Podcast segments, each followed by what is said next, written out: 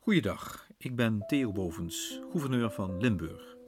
U luistert naar de podcast Dichtbij, mijn audiobrief aan alle Limburgers in deze coronatijden. Maandag 30 maart 2020. Een bougie. Elke dag zijn ze er weer. Elke dag even na tweeën verschijnen ze. De cijfers die ons vertellen hoeveel meer mensen zijn besmet, hoeveel meer mensen zware zorg nodig hebben en hoeveel meer mensen de strijd hebben verloren. Het zijn cijfers waarvan we al lang weten dat ze niet compleet zijn, dat ze slechts een topje van de ijsberg zijn.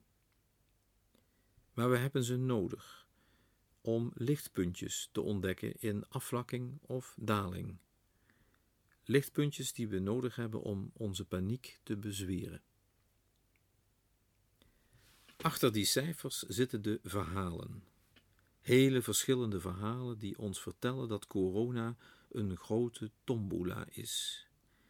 De ene zit het fluitend uit, zonder verschijnselen, of misschien een lichte verkoudheid. De ander kan vertellen over een abnormaal pijnlijke en adembenemende griep. En weer een ander moet geheel verdoofd vechten voor zijn of haar leven op een intensive care. Het zijn hartverscheurende verhalen die ons allemaal de schrik om het hart jagen.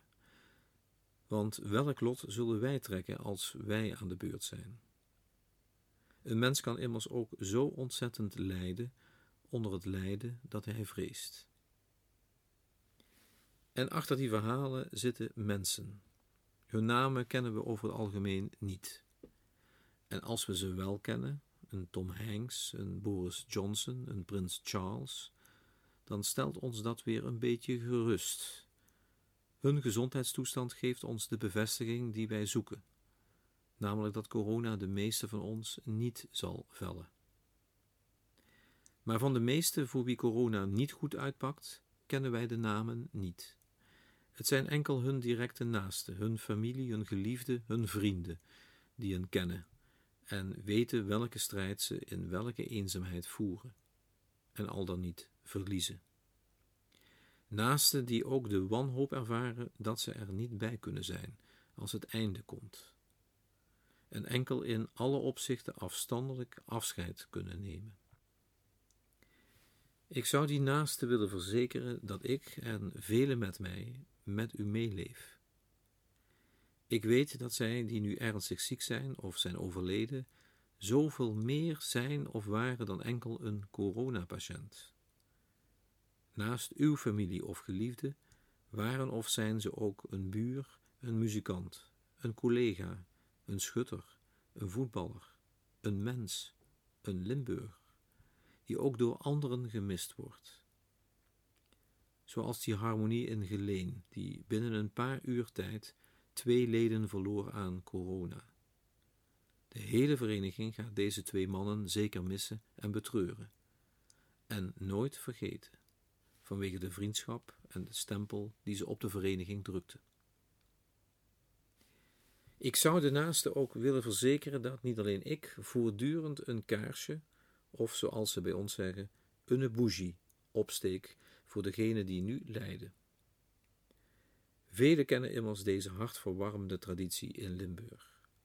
Zoals in Banholt, waar veel dorpsbewoners, gelovig of niet, een lichtje achter hun raam of op hun stoep laten branden voor hun doodzieke pastoor.